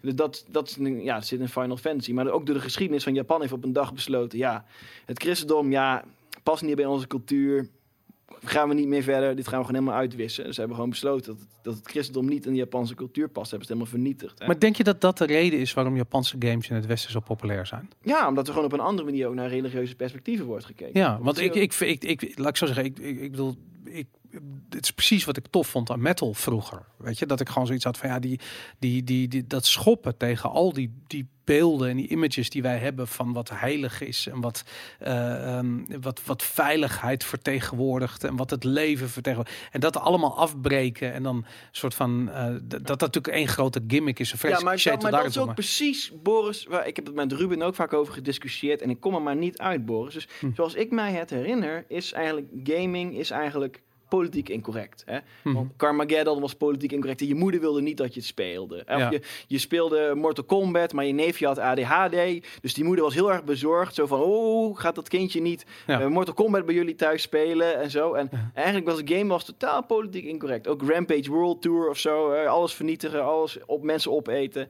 Uh, en nu, vandaag de dag, is dat een gaming dat, wat ik een beetje uit de community een beetje meekrijg. Dat er, ja, maar hè, wordt er niet discriminerend over elfen gedacht of zo. Of dat, dat dingen als, uh, ja, als politieke correctheid ook in één keer helemaal in games overal zijn. Dat, dat, kan ik gewoon niet snappen, weet je. Dat de elfen niet meer afgemaakt mogen worden omdat het... Uh... Ja, weet ik veel wat. Of bijvoorbeeld cosplay. Of dat de misverkiezing niet meer mag omdat dat seksistisch zou kunnen zijn. Kijk, ik, laat ik zo zeggen, ik denk dat die discussie in videogames wordt gedomineerd door de commerciële belangen van grote uitgevers. Dat is het enige waar ze om geven. Weet je, dus op het moment dat uh, uh, de nieuwe Battlefield wordt aangekondigd met een, met een politiek correcte samen squad waar je de Tweede Wereldoorlog mee gaat mee trekken, dan weet je gewoon van ja, dit, dit is, heeft puur commerciële redenen. Dit gaat absoluut niet om gameplay. Dit gaat niet om een verhaal of ideeën over rechtvaardigheid of whatever. Dit gaat gewoon puur en alleen, alleen maar om de commerciële belangen. Nou, maar, dus ook, maar bijvoorbeeld iets als Ghostbuster of Star Wars is toch ook eigenlijk, ja, nou, ben, ik heb het niet gekeken hoor, maar wat ik op internet van mee heb getrokken, dat mensen vonden dat het te politiek correct was geworden en dat het daarom heel slecht. Maar je hebt het over films. Dat is, dat is wat anders. Ik bedoel, uh, ik weet zeker dat Ruben die is helemaal bevlogen over wat er met Star Wars aan de hand is. Maar hmm. ja, daar is gewoon, er zijn beslissingen gemaakt binnen Disney die leken commercieel interessant. Ja. Bewijs en je moet je voorstellen, die game of die film, die is, wat is die vorig jaar uitgekomen? die is natuurlijk ja, drie jaar in ontwikkeling geweest. Dus die, die, die beslissingen zijn vier, vijf jaar geleden genomen om dat verhaal op deze manier te schrijven. Dat is een ander tijdperk. Ik bedoel, vijf jaar geleden is een eeuwigheid. Als je nu kijkt van wat de backlash is van die Star Wars, als ze dat toen geweten hadden, dan had Disney gezegd van ja, helemaal gek geworden, weet je, dat gaan we echt niet doen. Maar ja, dat is een andere tijd geweest. En, de, en nu pas is het duidelijk, ja, nu is de fout al gemaakt, te laat. En hetzelfde zie je in videogames, weet je. Dus um, uh, commerciële partijen zijn gewoon heel erg bang om mensen op meteen te maar, maar hoe gaan we het dan ontwikkelen, Boris? Want uh, we zien dus, oh ja, grappen maken over religieuze fanatici en rednecks. Ja, dat kan niet, want dan uh, verstoot je de Trump-achterban. Maar je kan ook geen grappen meer maken over elfen en dwergen, want dan verstoot je weer de social justice warriors of zo. zo grappig, dat social justice warriors ja. zijn gelijk elfen en dwergen. Ja, er moeten bijvoorbeeld uh, personages van, uh, van, van bepaalde huidskleuren in een middeleeuwse games gestopt worden of zo. Kijk maar naar die hele discussie die er was toch rond die game. Ehm, Kingdom Come, hè, omdat ze zeggen, ja, maar dit, dit, speelt in Europa in de middeleeuwen. Ja, dat er dan geen Afrikanen in voorkomen, oké, historische situatie en zo. Maar dat andere mensen zeggen, ja, maar vandaag wonen natuurlijk wel Afrikanen in Europa, dus moet het alsnog gerepresenteerd worden. Ja, ik, ik, weet niet of dat rond die game heel speelt, maar ik, ik weet wel dat bijvoorbeeld de, de, de wederopstanding van de Japanse gamesindustrie daar misschien best wel wat mee te maken heeft. Aha. En de, uh, weet je, ik bedoel, wij in het Westen zijn natuurlijk worden erg geconfronteerd met vooral de uitwassen van de discussies over politiek correctheid. Mhm. Maar in, in Azië is dat dat gewoon een non-issue. Nee, Nobody gives a fuck. landen. Daarom, het maakt gewoon geen moer uit. Weet je, speelgoed voor meisjes is knalroze, speelgoed voor jongetjes, dat is zwaarden en uh, tanks, weet ik van dat zit. Dus ja. dat speelt daar gewoon niet. En ik kan me ook voorstellen, ik, ik vind het zelf op het moment dat ik geconfronteerd word met beslissingen die niet in het teken staan van het belang van het verhaal of van een videogame, mhm. maar die in het teken staan van een bepaalde commerciële doelstelling. Dus bijvoorbeeld een politiek correcte boodschap. Ik, heel, ik wallig daarvan. Ik vind het echt verschrikkelijk. Ik vind het wel echt me, me, me, het is het tegenovergestelde van emotioneel geïnvesteerd. Ik, ik word emotioneel afgestoten, door deze, door, door zo'n. En dat heb ik met Battlefield. Maar uh, uh, een ander voorbeeld, bijvoorbeeld um, uh, um, The Last of Us 2, waarin de hoofdpersonage in die trailer op de E3. Is dat al uit? Nee, is nog niet uit. Maar er is een trailer geweest op de E3 waarin uh, zij op een gegeven moment zoenend met een ander meisje overduidelijk uh, een lesbische. Daar vond ik het perfect gedaan. Kijk, ik denk dat het waarschijnlijk ook wel marketing is, weet je, want het is cool. Maar het staat in dienst van het verhaal, weet je. Dus zij toont haar kwetsbaarheid. Ze is lesbisch, ze is een meisje met me. En vervolgens in de volgende scène staat ze oog in oog met de meest gruwelijke moordenaars die er maar zijn. Dus je hebt aan de ene kant dat kwetsbare meisje hm. en aan de andere kant die moet een strijd aangaan met, met, met moordenaars die in elk opzicht fysiek. Uh, ze zijn harder, ze zijn fysiek sterker. En dat moet je zien te winnen. Dat vond ik super tof gedaan. Dus als je het gebruikt uh, op een manier waarop het werkt voor het verhaal, dan vind ik het knap. Weet je? Dat, dat, dat, dat, is, echt heel goed gedaan. Alleen het probleem is. Um, bij grote uitgevers en sowieso uh, ook in media zie je dat. Er zijn niet zo heel veel hele goede verhalenvertellers. Dat, dat uh, Naughty Dog toevallig een goede scriptschrijver in dienst heeft die dat goed kan vertellen, dat is fantastisch. Maar bij Ubisoft werken die mensen blijkbaar niet, want anders hadden ze dat bij Far Cry niet zo kut gedaan. Uh, of tenminste, ze werkten er wel ten tijde van Far Cry 3, maar bij Far Cry 5 is dat al lang en breed is dat, is dat vervlogen. En ja, eerlijk gezegd, ik ken niet zo. Gelukkig zijn er niet zo heel veel voorbeelden van, um, uh, van deze, deze discussie in videogames. We vlieg hier in de studio, die word ik helemaal gek van. Ja. En uh, dus die, die, discussies zijn uh, um, ja, nog zeldzaam. En misschien gaat het wel meer voorkomen nu. Maar. Wat ik zelf een ontzettend mooi vind, is ook waar we ook een filmpje van hebben. Dat is van Overlord. Hè? Van Overlord, van de laatste baas in, het, in de game Overlord. Want er, er is een... Het is een Nederlandse game, hè? Ja, ja, ja. maar ja, helaas roemloos doodgestorven. Ja. Maar uh, wat wel geniaal was. Want ik had heel graag gezien dat de serie nog verder ontwikkeld was. Ik heb je kon hem niet uitspelen. Kan je dat nog herinneren? Er zat een bug in waar je niet langs kon. Ik kon hem wel langs. Ik ja? heb hem zeker uitgespeeld. Ik heb hem uitgespeeld op PlayStation 3 en op de PC. Zo goed dat ik hem wow. En ook deel 2. Maar het gaat ermee uh, dat er een heldenteam is van een paladin en een wizard en dief mm -hmm. enzovoort. Eh, maar, en uh, wat er dan gebeurt is dat de evil magician, die mm -hmm. denkt van nou weet je wat, ik kan dit niet winnen. Maar ik doe net alsof ik dood ben. Hè? Dus ik fake mijn eigen death. Mm -hmm. En kijken wat er dan gebeurt. Dus iedereen denkt, oh, het kwaad is geweken en de helden worden gevierd. Dus worden, krijgen goud en krijgen aanzien, prestige. Gaan helemaal decadent, hedonistisch leven. Geven zich over aan allerlei geneugd, allerlei luxes. Krijgen onderling ruzie. Hm. En dus de helden die vallen eigenlijk eh, vervallen. Hè? Ja. En dan gaat de evil guy gaat weer opstaan. Hè? En dan blijkt eigenlijk dat jij, jij dacht dat jij de overlord was. Hè? Dat jij dus de, de kwade evildoer was. Maar dat was niet zo, want je was eigenlijk een van die helden... Hm die gehersenspoeld was om te denken dat je de echte overlord was. Dus eigenlijk was je een marionet. Ja. En de echte overlord die keek vanuit de schermen naar alles wat er gebeurde. Ja. En dat is zo'n epische plot twist. Dat is misschien wel de meest epische plot twist in een game ooit. Ik zou durven zeggen dat Overlord misschien wel een van de beste Nederlandse games ooit gemaakt is. Ja, en, en, en, los van die bug, waardoor ik kon hem niet uitspelen toen in de tijd. Um, maar ja, ik denk ook, en nu in het zegt, het is best wel een, een goed idee om nog eens een keertje met die uh, studio te gaan praten. En te ja. praten over hoe dat, en wie dat verhaal geschreven heeft en hoe ja. dat tot stand is gekomen. Het is inderdaad echt, een hele goede game, ja. ja. Hey, en um, uh, nog even naar dat, um, dat idee dat wij als, als consumenten van media uh, een soort van diep gewortelde behoefte hebben aan bloed en gore en een confrontatie met de dood. Mm -hmm. Nog heel even terug daarna. Denk je dat dat waar is? Ja, dat denk ik wel. Hè. Wat ik al zei, dus eigenlijk een gesublimeerd heidendom wat nog voortbestaan in een westerse cultuur. Want we hebben natuurlijk als westerse cultuur ook een Griekse, Romeins, Germaanse wortel, waar dat geweld uh, overal eigenlijk diep aanwezig was. En, en hoe belangrijk is het dan dat dat geweld wat we dan zien, dat daar, um, dat daar een reden achter zit. Dus dat er een bepaalde uh, ja, context aan wordt gegeven waardoor wij het kunnen plaatsen.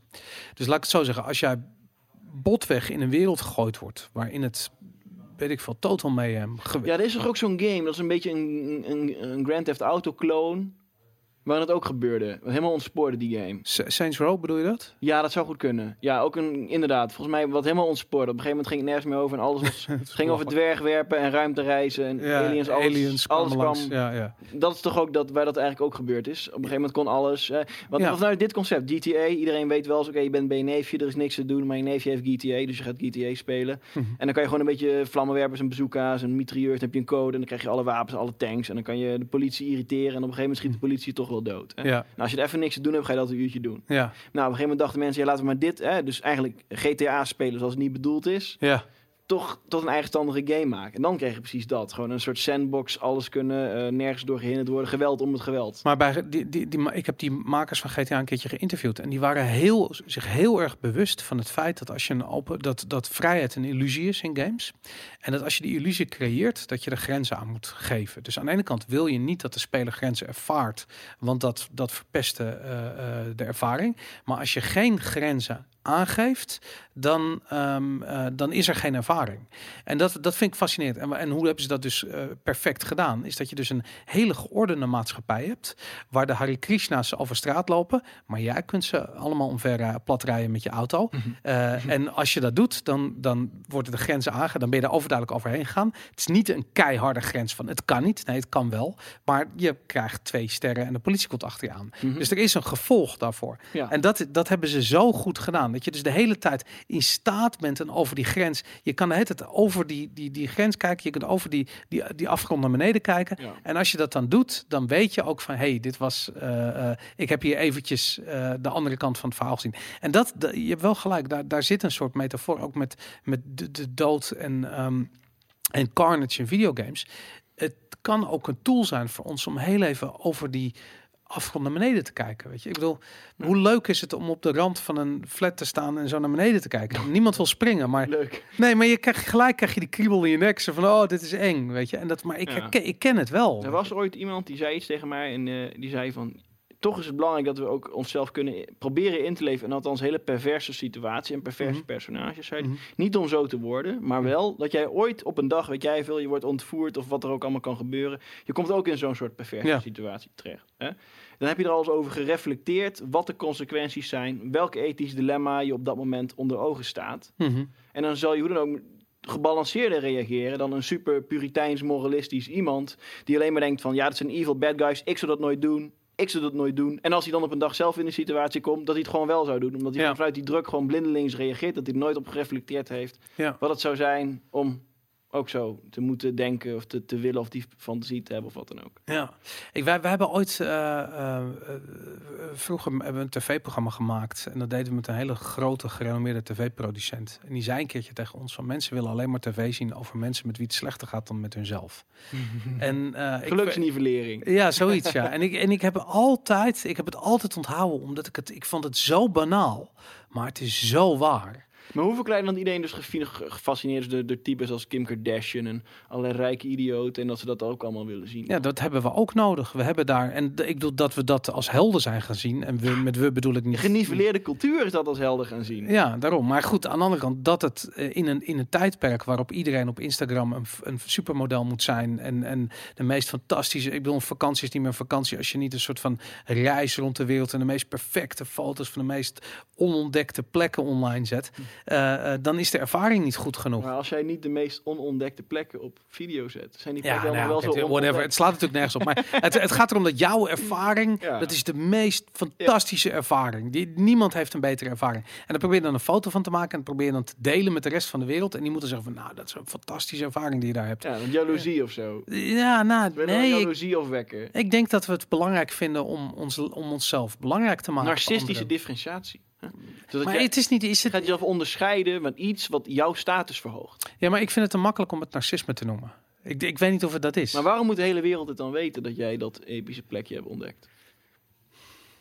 Omdat het, het geeft je leven zin. Weet je, het geeft... Pas als anderen het bevestigen. Dus eigenlijk gaat het om het bestaan in het oog van de ander. Ja, en dat... Je, je valideert niet meer vanuit jezelf. Ja, maar het kan... Je valideert extern. Ja, en, en dat, massa moet iets van jou vinden en pas dan is het echt waar. En Instagram faciliteert het volledig. Want je hoeft alleen maar erop te dubbelklikken en daarmee erken je andermans kwaliteit van werken, uh, schoonheid, ervaring. Die, vooral die drie dingen komen veel voor op, op Instagram. En dan, dan denk ik van ja, dat, dat is wat dat platform doet. Het, het is de heet het erkenning. Erkenning. Mensen willen erkend worden. Mm Ik bedoel, kinderen willen erkend worden door hun ouders en dan door hun vriendjes en dan door ja. hun maatschappijen, whatever. We hebben dat, we zijn dat gewoon aan het najagen. Ik denk dat dat gewoon belangrijk is. Ja, waarom is dat belangrijk? Waarom is erkenning belangrijk? Ja, nou, dat krijg je dus. De, dan krijg je eigenlijk op het einde van de geschiedenis naar de laatste mensen van Francis Fukuyama en nog verder terug. Uh, Hegel en Plato. Uh, nou, hm. Plato die maakt een driedeling in de ziel van de mens. Zegt nou, één het begeerte. Nou, dat is eigenlijk uh, ja, alles wat beesten ook hebben. Gewoon honger, dorst, seks, alles en nog wat. En hm. de reden, nou, dat maakt ons als mens uniek. Dat wij situaties kunnen doorgronden, een rationeel concept daarvan kunnen doordenken. In de toekomst kunnen voorspellen wat er gaat gebeuren. En de timos. En dat is het bezielende deel, het eergevoelige deel van de mensen. Dan kom je ook weer perfect op het deel van de dood. Uh, want hij geeft het voorbeeld van uh, een jonge man die over straat liep. En hij wist dat er gevangenen waren geëxecuteerd. Dus hij kon uh, in het hoekje kijken. En hij wist dat daar bebloede lichamen zouden liggen. Maar hij zei: Nee, ik ben een verstandig mens. Hè, ik ben een beschaafd mens. Ik heb dat niet nodig. Ik hoef niet aan die nieuwsgierigheid toe te geven. Mm -hmm. Maar uiteindelijk gaf hij toch aan die nieuwsgierigheid toe. En heeft hij toch even staan kijken naar het stapeltje lijken. Hè, hoe ja. dat eruit zou zien, al die, al die verminkte lichaam. En toen schaamde hij zich over zichzelf hè, dat hij dat had gedaan. Dus kennelijk hield hij zich niet aan de standaard van wat hij had gedefinieerd als een, uh, als een rationeel mens. Hè. En ja. dat is een stukje timos. Want alleen een mens hè, die dat heeft, kan dat over zichzelf voelen. Ik, ja, ik heb iets onwaardig. Waarom zit daar schande in? Omdat, omdat op dat moment uh, de, de reden eigenlijk zich verheven wil voelen. Dus de, de reden wil op dat moment denken: ik ben hier de baas. Ik ben de baas over de mens. Ik ben een rationeel mens. Hè. Wij doen ja. doordachte dingen. En die primitieve impulsen van het bloedvergiet en zo, daar zijn we boven verheven. Ja. Dus dat past niet bij mij. Ja. En dan voelt hij dus als verlaging om naar dat stapeltje lijken te kijken. Ja. Er zit maar je kan ook een heel andere maatschappij inrichten, zegt Plato. Dus als je een heel militaristische maatschappij hebt, dat iedereen vierheid en krijgerschap en eergevoel, als dat in het hoogtepunt staat, ja, natuurlijk zit je dan voortdurend mensen te executeren, want dat past beter bij dat uh, maatschappijtype. Nou, dan kom je meteen op de islamitische staat. Ja. Ja, fascinerend is dat. Er zijn een paar games die dat ook doen. Ik, in, in GTA uh, 5 op een gegeven moment ben je als martel, martelaar, wou ik zeggen, maar als uh, de persoon die martelt, ben je iemand zijn tanden uit aan het trekken met een nijptang. En uh, het grappige is dat als je het speelt, dan, heb je, dan realiseer je van ja, eigenlijk is dit iets wat zelden voorkomt in videogames. Ja, een voorbeeld daarvan is uh, Silent Hill Homecoming. Oké. Okay. Dat we dat ook nog eventjes ja. kunnen, kunnen, bekijken. Dus het gaat eigenlijk over het, het afrekenen met je eigen ouders. Hè? Want, want ja, het, dat verhaal dat is wel een interessant verhaal. Het gaat erom, uh, er is een cult die een stad beheert. En je komt er langzamerhand achter, ga je dat onderzoeken, dat je eigen familie ook in die cult zat. Oké. Ja, en dan uh, uiteindelijk eh, kom je erachter dat je je eigen, ja, met je eigen ouders moet je ook afrekenen. En uh, dat gebeurt dan door de vorm van een Pyramid Head. Hè. Dus de Pyramid Head, dat kennen wij Silent Hill 2, was het monster van de afrekening. En eigenlijk de beul, de executioner. Mm -hmm. Dus je ziet op een gegeven moment dat zijn vader wordt in twee gespleten door de Pyramid Head. Maar ik moet eigenlijk zeggen dat de game in die zin de speler wel op het verkeerde beeld, uh, verkeerde been zet. Ja. Omdat het dus niet meer bleek te gaan. Uh, je denkt, oké, okay, ja, dus die die worden tweeën gespleit. Op dat moment letterlijk ook uh, de, de pad voor je splijt ook in tweeën. Dus pas dan kun je naar voren treden en, de, en het vervolg van het spel. Hm. En je denkt op een gegeven moment dat die piramid dus wel de eindbaas zal zijn. Hè? Ja. Dus, maar dat blijkt dus niet te zijn. En dus het wordt een beetje op het verkeerde, verkeerde been gezet. Dus de laatste baas denk je, oké, okay, de volgende baas is Pyramid Head. Je hebt ook een kaart. En hoe ben je dan op dat ogenblik aan die andere kant van die morele grens terechtgekomen? Ja, je bent er dus terechtgekomen omdat je erachter bent gekomen uh, dat jouw ouders jouw broertje wilden gaan offeren aan de evil god. Oké. Okay. En je was eigenlijk uh, het spel ook begonnen als quest om erachter te komen wat er gebeurd was. En je maar de, dus dan, je moet je eigen ouders afmaken? Ja, maar dat wordt dan, dat hoef je niet zelf te doen, maar dat wordt eigenlijk ge, ge, gebeurt dat dus eigenlijk door die Pyramid Head. Ja, ja, op die ja, manier. Die, verte, die verpersoonlijkt ook de wraak van de personage. Net als eigenlijk maar, ook dat... weer een voortborduring op uh, Silent Hill 2. En dat vind ik ook interessant om even op stil te staan, want er zijn dus uh, mensen die ook schrijven, ook theorievorming over videogames bedrijven. Dus uh, een Jules en Aarzet, die hebben in 2004, 2005 een paper over geschreven. Hm. En die zeiden van ja, concept in dood videogames betekent dat zelfmoord van een personage niet zou werken. Dus bijvoorbeeld het boek Anna Karanina hè, van Tolstoy, wat eindigt met het zelfmoord van het personage, zeggen zij, zou niet werken als videogame. Hè.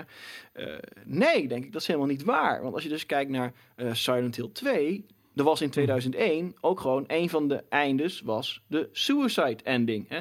Nou, die had ik dan zelf ook als eerste toen ik hem voor de eerste keer speelde. Ik had best wel goed gedaan. Ik had uh, alles eigenlijk wel goed opgelost en zo. Mm -hmm. Maar ja, ik ben dan wel erg cheap ass. Dus denk ik van oké, okay, uh, ik, heb een, uh, ik ben een beetje aangevreten in mijn gezondheid. Maar dat kan wel even door, want ik wil niet meteen mijn health item gebruiken. Want je weet maar nooit wanneer je het nog nodig hebt. Maar later zag ik in de game facts dat je dus dat suicide ending krijgt als je vaak dus gewond rondloopt. Ja. Omdat de game dan denkt dat je kennelijk uh, masochistisch bent.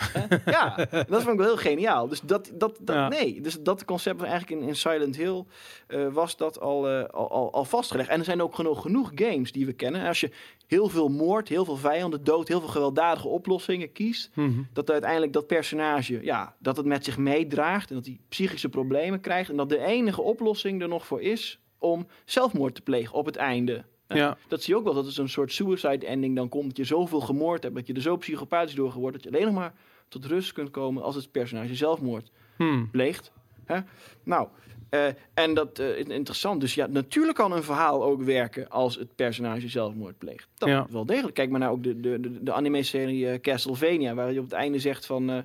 killing you was the objective, living through it was just a luxury. Ja. Ja, ik vind, ik, ik, ik, blijf erbij dat zodra je het over Japan hebt, dat daar, daar hangen, daar, zit, daar heersen zulke andere normen en waardes. Dat, uh, en dat zie je in die videogames terug. En daardoor mhm. voelt het voor ons vaak uh, uh, op een bepaalde manier verfrissend. Terwijl het zo helemaal niet bedoeld is. En ik heb een keertje met een Japans, Japanse ontwikkelaar gesproken. En die zei van, wij hebben in Japan, stel je voor de, de, de, ja. de normen, stel je voor, wij staan naast elkaar ja. voor een afgrond en een van ons moet springen. Ja. Dan zouden um, uh, de, de westerse nobele uh, afweging zijn. Die zou zeggen van nou zit, weet je, ik spring wel, dan kan jij verder leven. Dat zou nobel zijn. Christelijk martelaarschap. Ja, wat niet bestaat, want is uitgeroeid. Uh, daarom, inderdaad. Ja. Maar de Japanse manier zou zijn van nou weet je, ik laat jou springen, zodat je niet verder hoeft te leven met de schande ja. dat je uh, mij achter hebt. Of weet je, dat je ja. mij hebt laten sterven. En dat, dat, dat, dat, is geniaal, Boris. Want die hebben ook een boek dat heet uh, Harakagure. En dat is een Japans boek. En dat gaat over, over de, eigenlijk de, de samurai code in de middeleeuwen. En in dat boek zegt die gast letterlijk van ja, maar als jou iets is aangedaan, moet je wraak nemen. Gewoon meteen. En de beste manier om dat te doen, hè, om wraak te nemen, dan kan je je eer herstellen door wraak te nemen, kan best meteen beginnen. Hè. Hmm. Dus pak gewoon een zwaard uit de keuken en ren er naartoe. Want als je er lang over na gaat denken, van hoe kan ik het beste bij hem komen en uh, welke gangetjes uh, zijn er geen bodyguards en hoeveel man heeft de vijand. En als je het allemaal gaat zitten uitplannen, nee, dan bekoelt je woede. En dan kan het gebeuren dat, dat door dat rationeel beredeneren van een plan om wraak te nemen, dat je woede bekoelt, dat je het niet meer gaat doen. En dan blijf je leven in de schande en de schaamte omdat je toch niet gaat wraak nemen. Dus je moet meteen vanuit je woede meteen wraak nemen. Het maakt niet uit, ook al hak je, ook al hak je maar een paar man neer, is toch beter. Want uh, dat is tenminste niet, niet uh, schandelijk. Hè? Dan blijf je eer tenminste gered. Ja, ja, ja. Ja, grappig. Dat betoogt ja. in het boek. Ja. Nou, dat vind ik wel een goede. Als Westen denk je, ja, maar dat is niet hoe ik win. Ik win als ik leef en als jij dood op de grond ligt, dan heb ik gewonnen. Weet je? Maar in heel veel strijderscultuur is het zo, ik win op het moment dat ik besluit, ook al ga ik kapot, ook al moet ik sterven, hè, ik ga dit doel volbrengen. Ik wijd me 100% aan het doel. En op het moment dat ik besluit dat ik gereed ben om daarvoor te sterven, bereid ben, dan heb ik al gewonnen. Dan heb ik mijn doel eigenlijk al bereikt. Maar ja. Westers denkt niet. De Westen is niet zo. Ja, uh, het gaat erom, ik sta, ik leef en dat jij dood bent. En pas dan heb ik gewonnen. Ja, nou, ik vind het wel grappig dat daarmee uh, de dood en het leven een andere, ander perspectief krijgt in um, uh, um, ja, eigenlijk in uh, Oosterse cultuur en ook Oosterse videogamecultuur. En dat, ja, dat is gewoon iets waarvan ik zoiets heb van dit, dit naarmate graphics mooier worden, gaan we steeds meer um, spelen met de ongemakkelijkheid die er hangt rondom realistische uh, dood of een realistische uh, uh, ellende wat over anderen wordt afgeroepen. Ik bedoel, toen ik klein was, speelde ik videogames waarin je de kinderen van Gaddafi tegen de muur zette en executeerde. En het was allemaal niks, maar gewoon pixeltjes, weet je. En tegenwoordig zijn, zijn, zijn beelden zijn zo mooi dat ik denk dat we veel vaker in aanraking komen met dat ongemakkelijke aspect van de dood in videogames. Mm. Alleen ik ben benieuwd wie het aan gaat durven om dat te doen. Weet je, en ik bedoel, je ziet het bijvoorbeeld in games als The Witcher. Weet je, CD Projekt, dat is een ontwikkelaar die durft dat soort onderwerpen aan te gaan. Weet je, en dat, dat geeft die games diepgang. En aan de andere kant zie je de EA's en de Ubisofts en de Activisions misschien ook wel, die gewoon heel erg veilig blijven, wegblijven van de controverse, wegblijven van, van, van ja, dat soort vragen over van wie ben je en ben je wel mhm. goed in een game, ben je slecht in een game. Het moet makkelijk verteerbaar zijn voor de massa. Daarom, het moet een happy ending hebben. En ja, en, ja daarom pulp, rotzooi, content wordt. Ja, afsluitend zou ik nog graag één voorbeeldje willen laten zien. En dat mhm. is dan het van God of War. ook weer een oude game, maar ook wel interessant met de dood werd, werd omgegaan. Dus als we dat voorbeeldje even kunnen, kunnen bekijken. Wat we dus hier dus zien. God of War 3 volgens mij. Nee, dit is de allereerste God of War. Dus op een gegeven moment kom je bij een paleis, ziet iemand is een, een pit aan het graven. Waarom is hij een put aan het graven? Nou, dat weet je niet, want dat is een graf voor iemand. Hè? Mm -hmm. van, nou, hè, wat is dat nou? Maar later in de game, hè, de, de echte God of War, Ares, hè, die mhm. vind je maar irritante luis in de pels, dus die maak je dood. Mhm. Dus daar kan je gewoon niet omheen. Je gaat gewoon dood. En dan kom je in de onderwereld terecht. Mhm. En dan kun je, moet je jezelf door de onderwereld heen vechten. En dan kom je uiteindelijk kom je uit de put. kom je daar weer uit de voort. Het was jouw graf dus. Ja, precies. En dan kom je erachter dat de graf wat gegraven werd, was jouw graf. Vet. Ja, dat vond ik zo interessant en zo goed bedacht. Ja, nou, dat is echt heel goed inderdaad. Ja. ja, ik moet je wel zeggen, Sony is wat dat betreft, is nou precies een ontwikkelaar. Ze zijn groot en ze zijn mainstream, maar ze, uh, ze gaan op de juiste manier om met hun content staat altijd centraal.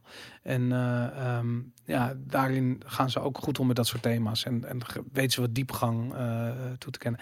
Nou, zit super. Ik heb het idee dat dit een, een heel breed onderwerp is, waar wij we gewoon hier en daar langs de oppervlakte geschaafd hebben, maar het is duidelijk dat er een dat het een, een, een, een thema is wat gewoon door alle videogames heen loopt. Ik bedoel, de, er is bijna geen game uh, waarin je niet op een of andere manier geconfronteerd wordt met doodgaan. Uh, al was het alleen maar omdat het een hele simpele gameplay uh, mechanisme Ik moet opeens aan Kirby denken, omdat je in Kirby niet doodgaat. Oh, weet je dat, weet ik niet. Nee, ja, dan kun je niet dood dus. Maar anyways, fuck it, maakt niet uit. Ja.